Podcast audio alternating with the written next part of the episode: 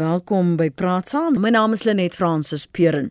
Dominante mans het nog altyd groter seksuele sukses behaal as mans wat meer inskouklik is, skryf Louis Averbag in 'n rubriek. Geweld wat oorlog insluit, se donker wortels groei dus vanuit die magstryd oor oorlog tussen mans, meen hy.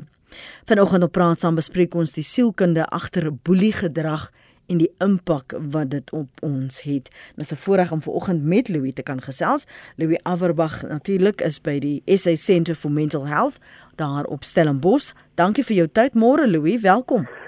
Môre net baie lekker om saam te gesels. Baie dankie. Dankie ook aan Larry Gam wat beskikbaar is. Hy's lid van die NGO Gender Works waar hy werkswinkels in geslagsgelykheid onder meer versoening en seksualiteit fasiliteer. Dankie dat jy ver oggend 'n gas is. Môre Larry. Môre net en Louis en luisterers. Lekker om te wees. Dankie. Louis, die die meningsstuk wat jy geskryf het, dis gebaseer op persoonlike ervaring. Uh, jy het dit self in jou eie lyf gevoel. Wat het jy geleer en observeer uit daardie voorvalle oor boeliegedrag? Ja, want jy verwys nou na die stuk waar ek in standaard 5 uitgedaag is deur 'n ander seun vir 'n vuisgeveg en ek het nou regtig nie geweet hoekom dit so is nie, jy weet. En dit is tog iets wat algemeen gebeur het. Ek dink baie van ons kan terugdink aan ons skooljare en en dieselfde insidente onthou. Dan moet ek nou daar agter die fietshok fietshokkies met die ou gaan beklei. Want ek kan ook nie nee sê nie want die vernedering omdat dit wel vaart beskryf of dit word is baie erg. Ek kom weer die ou geslaan. Ek weet en ehm um, uh, en jy het verwys nou ons praat oor boelie gedrag. Jy weet maar dominante gedrag is nie altyd boelie nie. Hmm. Ehm um, dominante gedrag is nogal inherent in die mensdom is. En die eienaardige ding is is dat dominante gedrag beloon word in in in, in baie situasies. So mense wat meer dominant is, veral mans, is baie baie meer suksesvol sosiaal en in beroepe. En seksueel, nee, want dit is waar dit oorspronklik van vandaan kom. Ons is evolusionêre wesens. Ons ons oorspronklik was gestel op voortvlak.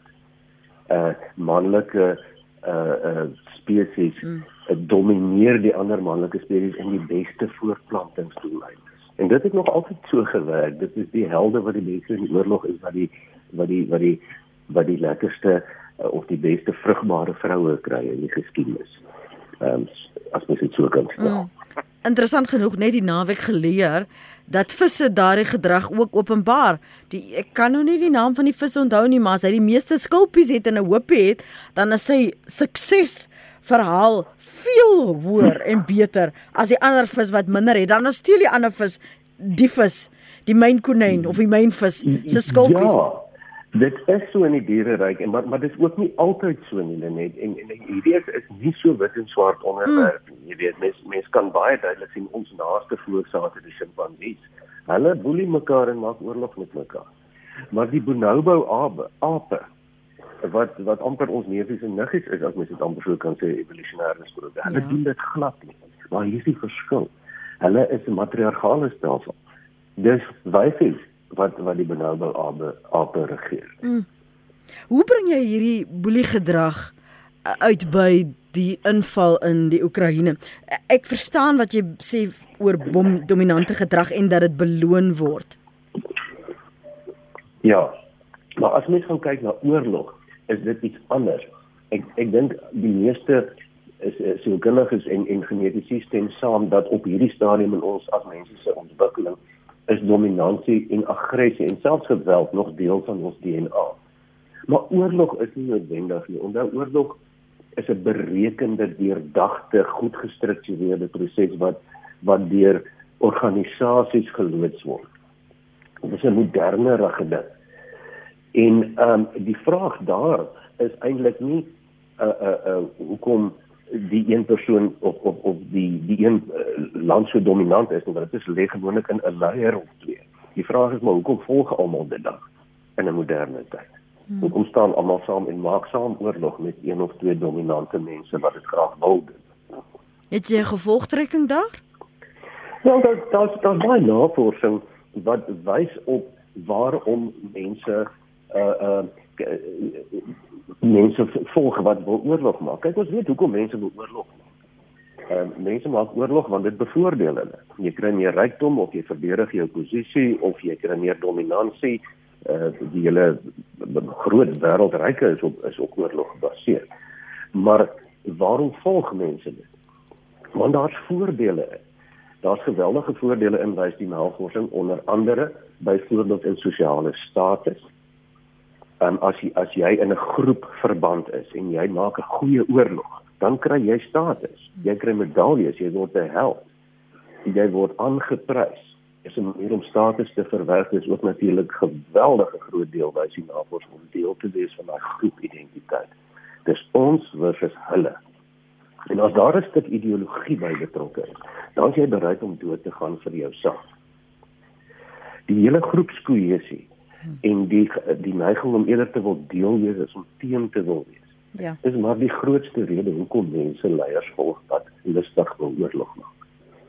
As jy kyk na jou fasilitering werk oor die afgelope dekade of wat Laurie, hoe dikwels kom hierdie aspek van boelie gedrag, die dominansie, um, ter sprake in daardie sessies? Ja, dankie Lenet. Ehm um, Louis bied vir ons 'n baie goeie beskrywing dink ek van die menslike toestand wat baie help. en soos jy sê, ons kom dit natuurlik uh die hele tyd teë dat onderliggend aan die samelewing ek ehm um, sien dat Louis dit noem 'n manlik dominante kultuur jy weet of patriargie sou nou hmm. die vinnige opsomming daarvan wees dat dit nog onderliggend is aan ons kultuur tot 'n groot mate. En ehm um, jy weet dat dit natuurlik 'n sekere manier is om om mag te bekom en met mag om te gaan. En dat dit dan ongelyke verhoudings uh, tot gevolg het en dominansie as jy so dit wil noem. Want ek sou sê in jy weet byvoorbeeld in verhoudings tussen ehm um, in huweliksverhoudings ehm um, tussen paartjies sou daar eintlik die ideaal wees en ook tussen die geslagte dat daar eerder van 'n dominasie model beweeg moet word na 'n vennootskapsmodel wat nou 'n ander manier is hoe om met mag om te gaan en met konflik om te gaan wat altyd maar sal bestaan. Ehm um, maar dit is wat ons uh, vir mense aanmoedig om 'n bietjie te verken en kreatief mee te wees want ek sou sê ehm um, jy weet dat onder mans oor die algemeen ook in Suid-Afrikaanse samelewing natuurlik kom emosies soos woede, eensaamheid en pyn redelik algemeen voor en met mans wat smag daarna om te behoort en soos soos wat Louis gesê het en ook veilig te voel.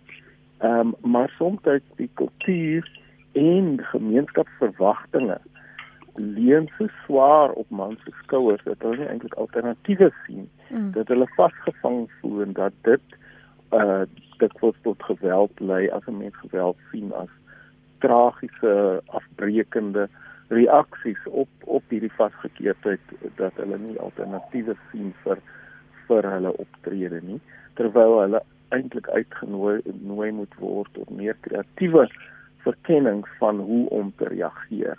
Jy weet en nie net uh, terug te gaan na jou uh primitiewe oorspronklike fight flight uh of freeze uh, reaksies nie, jy weet.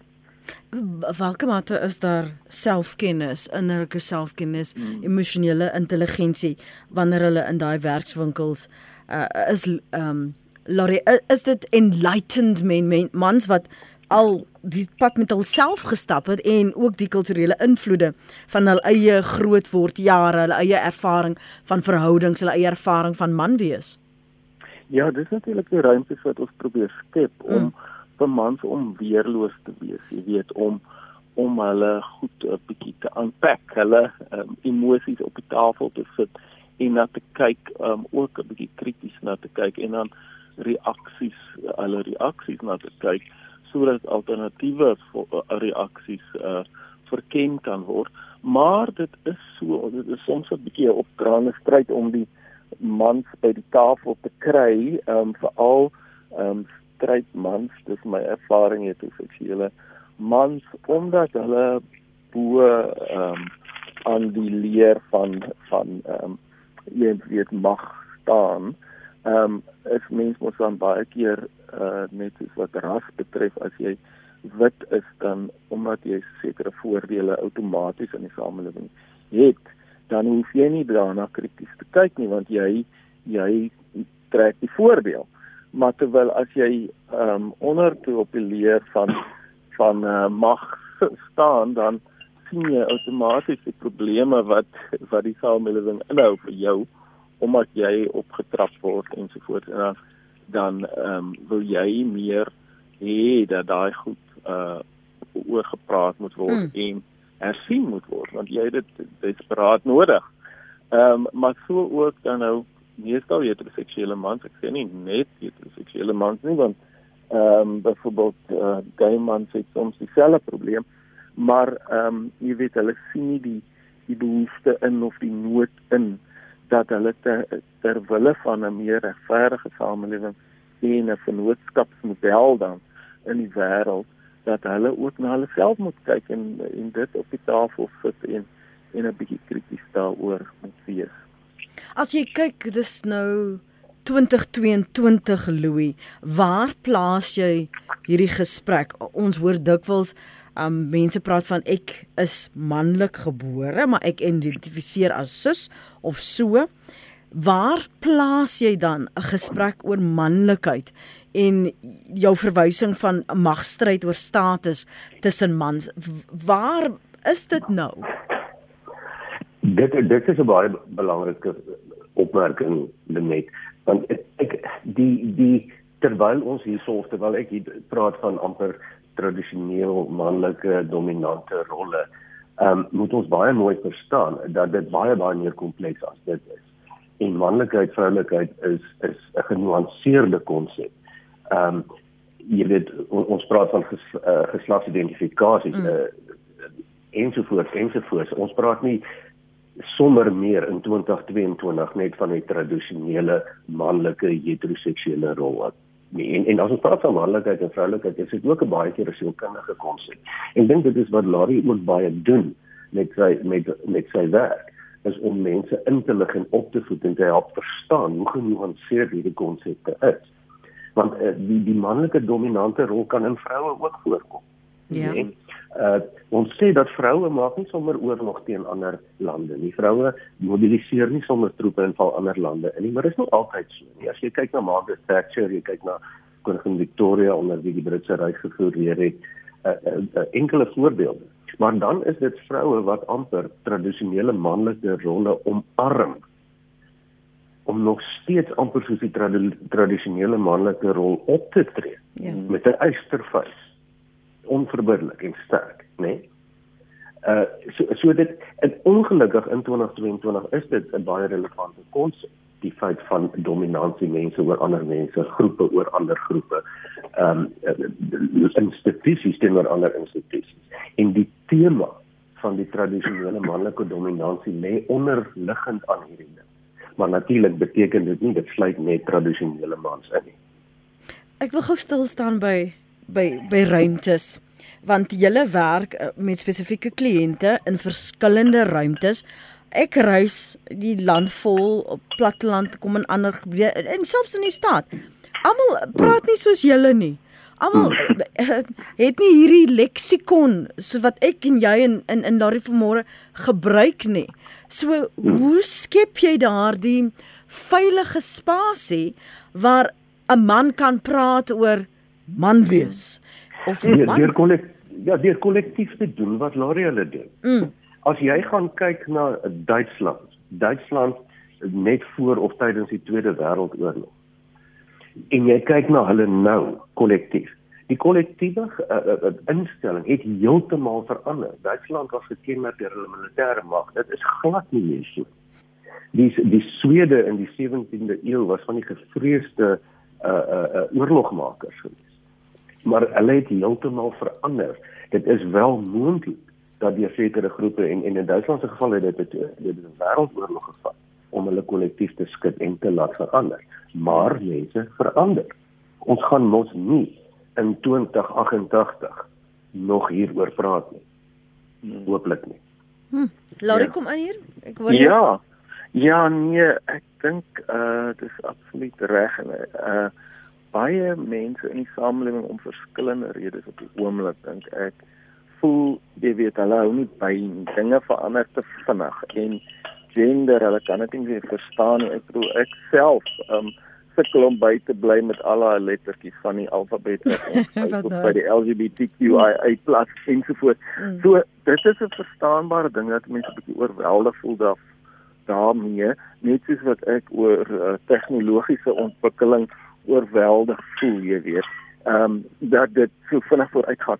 Maar dit beteken nie ons moet nie saam vooruit gaan en ons het ook die verantwoordelikheid om onsself op te voed en jy weet net ons bedreigtheid die angs wat so outomaties opkom wanneer iets nuuts nou op die tafel is uh jy weet dat ons dit moet uh, laat keer dat ons uh probeer om by te hou en ons laat informeer deur nuwe kennis wat op die tafel kom en wat eintlik um vir ons help om beter te funksioneer in in die samelewing omdat uh, dit uit uitwys dat dit waarmee ons altyd nog werk, mm. werk nie meer nie, jy weet dit dit, dit help ons nie genoeg nie.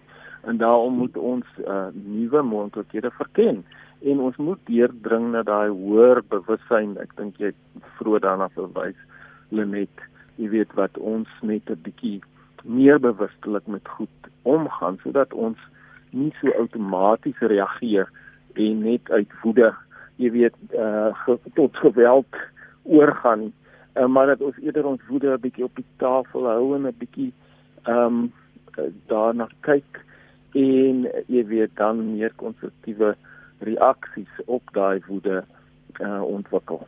Ons ons gaan nou luister na van ons luisteraars se se mening hieroor. Ons praat natuurlik oor die sielkunde agter woelie gedrag, maar julle neem dit ver weier en dankie daarvoor. Um, ek weet sommige van die luisteraars vind nie daarbey aanklank nie, um, want dis nie die ruimtes wat waarin hulle beweeg nie, maar dit is 'n gesprek wat ons moet hê want die wêreld om ons is besig om baie vinnig te verander en ons gaan ons bevind in in spasies wat ons moet weet hoe bestuur hanteer jy handhaaf jy jouself binne daardie ruimtes sodat jy daarom uh, kan wys jy jy groei ook as mens.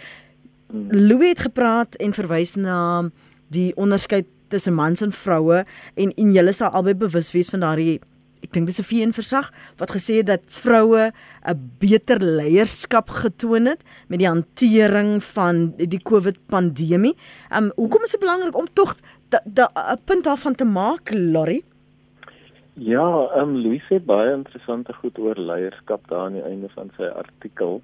Ehm um, en uh, miskien net eers een punt die hele ding van sosialisering saam met die DNA nou waarmee ons gebore word en ehm um, jy weet wat ons ehm um, uh, outomaties kry is die rol van sosialisering in die samelewing jy weet die probleem dat seentjies onmiddellik ge-issue word as ek nou mooi uh Afrikaanse woord kan gebruik met 'n met 'n masjiengeweer of 'n geweer ten minste wanneer hulle die wêreld inkom terwyl uh, dogtertjies nou net uh, met poppe moet moet deel. Ehm um, jy weet dit is alreeds uh tekenend daarvan dat ons uh eintlik vir vir seuns voorskryf om gewelddadig te wees dat dit die enigste uitweg is en dit is ehm um, dit is nou wat hulle moet uh self van uh, af speel speeltyd mee te doen kry. Mm. So ons moet 'n uh, bietjie krities daarna ehm um, ook kyk, maar dan die leierskap uh, waarvan Louis praat, ehm um, jy weet ehm um, as jy mens na voorbeelde kyk van 'n leier soos uh Obama in die FSA 'n paar jaar gelede wat definitief op 'n manier 'n hoër bewussyn ehm um, verteenwoordig het alhoewel hy ook 'n paar goed gedoen het waaroor mense sekerlik vraagtekens het, mm -hmm. het maar ek dink nie jy weet is uh leierskap hoef noodwendig swak leierskap te wees as dit nie kragtadige leierskap ja. is soos wat ja. waarvan ons soveel voorbeelde op die oomblik sien in die uh, in die um, persoon van Putin en dalk die Trump van wel eer en so aan. Maar as 'n mens byvoorbeeld na Nelson Mandela se leierskap kyk, wat tog 'n sterk leierskap was wat op bepaalde punte morele leierskap van vooraf gebied het sou sou eh, 'n mens kon sê maar tog uh, jy weet konsensus soek en miskien is dit wat ons soms ehm um, irriteer aan ons president op die oomblik dat hy konsensus soekend is maar dat dit ook nog 'n voorbeeld is van 'n ander uh soort van van leierskap wat nie die tradisionele kragtadige uh leierskap is nie. Jy luister na Praat Saam, weekoggende 8 tot 9. Goeiemôre. Ons so politieke kleertjie sit aan Boelie. Ek is 'n onderwyser. En uh omdat ek wit is, ehm um, is ek uh aangespreek as wit gemors, wit apartheidsgemors, julle wit mans. En omdat ek reguit hare is, is ek by uitstek rasis. En so is ek uh, geboelie deur 'n uh, bestuur soveel toe tot in die in die departement. Um leens is versprei. Ek is op verpligte verlof gesit. Daar's ondersoeke ens ens om uh ja, die aandag van hulle af te kry. Hulle jy weet die die die die die korrupsie, die diefstal en as dinge warm word, word daar geskree in 'n vergadering uh dat ek 'n rasis is en dan word die vergadering nou maar eers op my gefokus. Ehm um, my gesondheid. Ek het 'n uh, groot slag gekry. Ek sit nou nog met 'n uh, met 'n asmatiese bors, 'n uh, spanning, angs. Ehm um, ja. Kan maar net hoop uh, die liewe Vader is vir hulle genadig. Môre hulle net jou gaste, ek het net 'n vraag. Ehm um, ek het nou baie gehoor dat ehm um, 'n boelery veral in die onderwys 'n uh, uh, baie algemeen voorkom. Ehm um, my kort eenvoudige vraag aan jou gaste is die volgende: is is die onderwys 'n beroepspesifieke 'n uh, kategorie of omgewing waar boelery uh, uh, baie voorkom in vergelyking met met ander beroepe? En hoekom sal dit dan nou ook so wees? Ehm um, ek luister graag op die radio. Goeiemôre, my naam is Elizabeth. Ek is woonagtig in Menenberg. Wel, ek hoor die gesprek gaan oor boelie. Soos ehm um, ek is 65 jaar oud. Ehm um, ek lewe onder hy op 'n daaglikse basis. Op hierdie huidige oomblik gaan my 'n kleindogter Dadia. Sy is graad 7 en omdat sy 15 jaar oud is en dit is nou eintlik waar o hulle vir Polie maar om die waarheid te sê dat mense is geneig om agterhoor sê aan te gaan en ek sê altyd dat mense ken jou lank al voor hulle jou ontmoet het om rede dat die verkeer hulle skep die verkeerde indruk oor jou.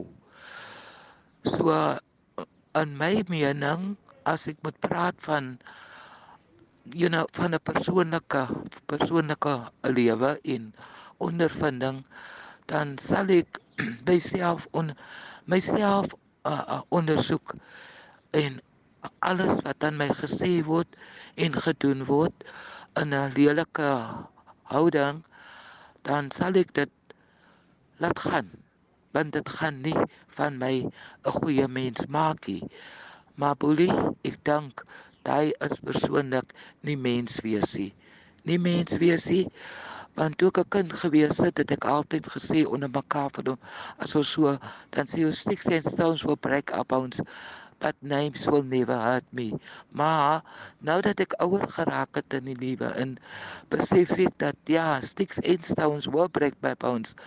Maar name waarvan dit boelie is, dit breek jou geestelik af. Dit is my mening en ek hoop dat ek my woorde versigtig gepraat het vandag. Alle vrede en liefde. God seën. Ek is seker jy gaan kommentaar lewer eh, Louis vir aldoor hy laaste punt oor die geestelike afbreek van van jou menswees. Ja, dit dit is wat boelie doen, nê? Nee? En en mense weet dat boelie gedrag kom oral in die in die mensdom voor. Dit kom onder kinders voor, dit kom onder volwassenes voor. Ehm um, en dit is ongelukkig deel van die van die mens se doen en late. Dit is so. Uh, en dit is 'n verskriklike ding, jy weet, en en en baie daarvan uh, is nie altyd uh, met aardige rowwe en spesifieke bedoelings nie. Maar as jy as jy kyk na al die vooroordeele, kognitiewe vooroordeele wat mense het, uh, goed soos omstander gedrag, hmm. vooroordeel waar ander mense eenvoudig ons is geneig om nie op te tree as as mense iets doen aan ander mense nie. Ehm um, ons verstaan nie altyd nie. Ons dink altyd dis die norm. Ons wil graag deel wees van die ingroep. Ons wil nie die een wees wat sê nee, moenie die kind boelie nie. Ensovoorts ensovoorts. Maar dit is 'n geweldige probleem en in sekere kontekste is dit baie groter probleem. Die luisteraar wat gevra het oor die onderwys stelsel byvoorbeeld.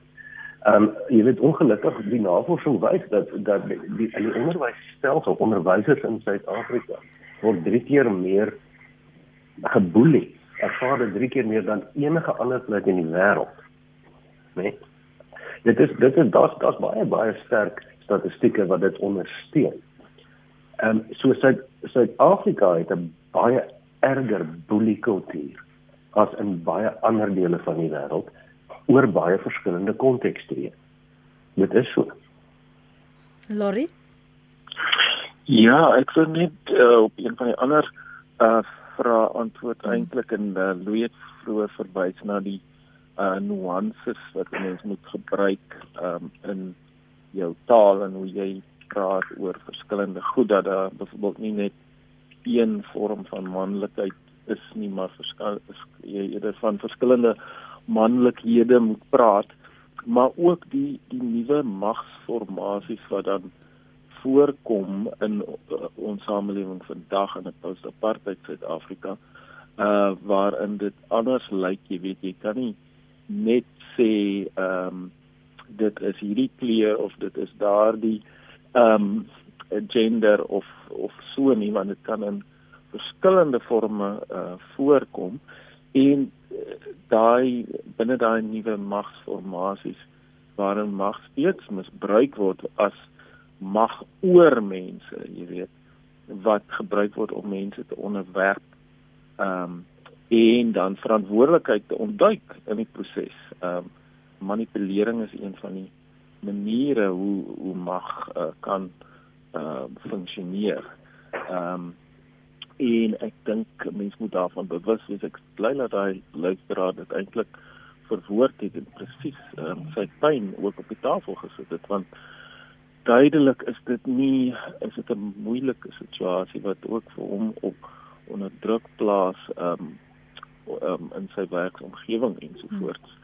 Um, so uh, ja, um, dit was goed om na te luister en ek hoop hy het ook 'n ruimte maar miskien wat om kan ondersteun om om dit te verwerk en ehm um, met iemand te bespreek wat dit net kan na luister en dit ontvang ook alhoewel mense op die ouend sou wou hê natuurlik dat dat sulke omgewings verander en en meer verantwoordelikheid opneem sodat ehm um, daar nie sulke ehm um, dinge uh, aangaan. Mm. Hey, is dit is dit as jy dit in, in jou kleintyd of op uh, laerskool, hoërskool ervaar het Louis, is dit soos 'n skaduwee wat saam met jou loop wanneer jy 'n volwassene is in in in 'n volwasse omgewing en 'n werksomgewing want 'n mens sou dink volwassenes sou mekaar beter hanteer. Ja, mens sou dit dink en mens sê sou dit hoop, maar dit is nie regtig waar nie. Ehm um, jy weet ek om dit te antwoord die mense is 'n baie komplekse wese en daar is mense wat as kinders geboelie was op skool wat heeltemal dit afgeskit het en dit oorkom het. Maar daar is baie mense en ek praat van welfunksionele mense wat met skade rondloop.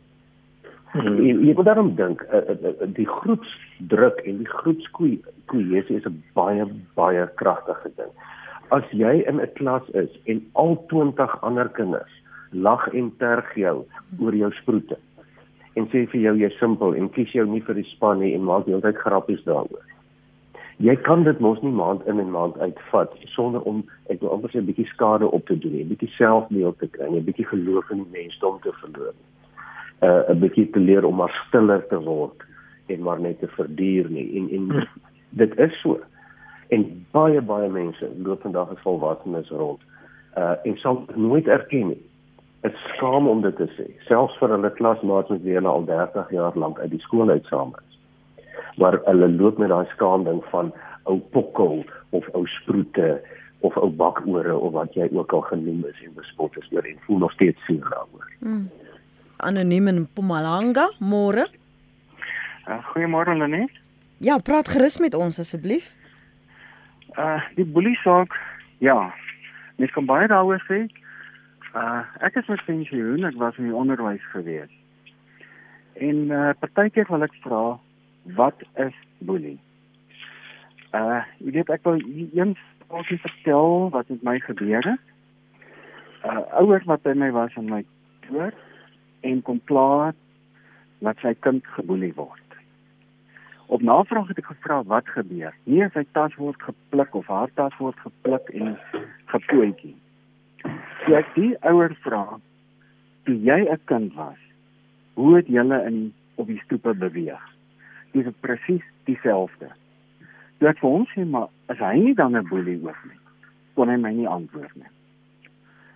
Net so dit is 'n uh, baie 'n uh, uh, goeie onderwerp om te bespreek, maar dit is net iets wat my nog altyd pla. En ouers wat onderwys as boelie. Goed, dankie daarvoor. Dankie vir jou inset. Waardeer dit. Um Louis van jou kant? Ek ek dink boelie word baie eenvoudig gesien as 'n situasie waar iemand 'n magsposisie bo ander iemand anders het en waar die ander persoon hulpeloos is om iets daaraan te kan doen. Met ander woorde, as ek baie groter en sterker as jy is en ek gryp jou tas en pluk jou tas rond en jy wil nie hê ek moet dit doen nie, dan boelie ek jou mos. As ek verby jou in die gang loop en ek en ek en ek, ek, ek stamp per ongeluk aan jou aan jou aan jou tas uh dan het ek jou mos nie geboelie nie. As ek doelbewus jou tas met stamp en verbyloop, kan mens nou gaan redeneer is dit boelie of nie. Um, maar jy weet boelie is tog daar per definisie waar die ander waar die waar die slagoffer nie wil hê dit moet gebeur wat gebeur nie en die slagoffer kan niks daaraan doen nie. En iemand anders gebruik mag. Of dit nou krag is en of dit intellek is en of dit sosiale staat is, is wat dit ook al is. Dis 'n mag 'n magsmisbruik. Hmm. Ja, Jaco skryf hier 'n uh, SMS. Dit verstom my nog altyd hoe boelie gedrag vir dekades lank aan Suid-Afrikaanse universiteite voortgeduur het onder die naam van ontgroening en dan ook hoe dit institusioneel geduld en toegelaat is. Ek dink dit sluit aan by daai uh, gesprek wat ons vroeër vanoggend gehad het waar waar jy gele gepraat het oor um, wat aanvaarbare manlike gedrag dan nou sou wees, kulturele en daardie tipe van identifikasie want dit is al wat mense of geken is en dan raak dit kwansies aanvaarbaar, Lori. Ja, en dis natuurlik ook uh die feit dat sommige wat geboelie word word boelies, jy weet. Ehm um, so soms as jy nie verwerk uh of kan verwerk omdat jy op op 'n baie jong stadium geboelie word, dan ehm um, kan dit tot gevolg hê dat jy dieselfde uithaal op die wat jy dan die kans kry om dit te doen. So dit ehm um, wys net op die belangrikheid daarvan om dit te verwerk en ehm um, jy weet om nie uh, uh cycles of repetitions is wat hulle dit noem mm -hmm. in in trauma en in goed wat wat lei tot oorlog op die ou en uh jy weet ehm um, as mense dit nie nagaan en eintlik ehm um, ruimte daarvoor skep om dit te verwerk nie.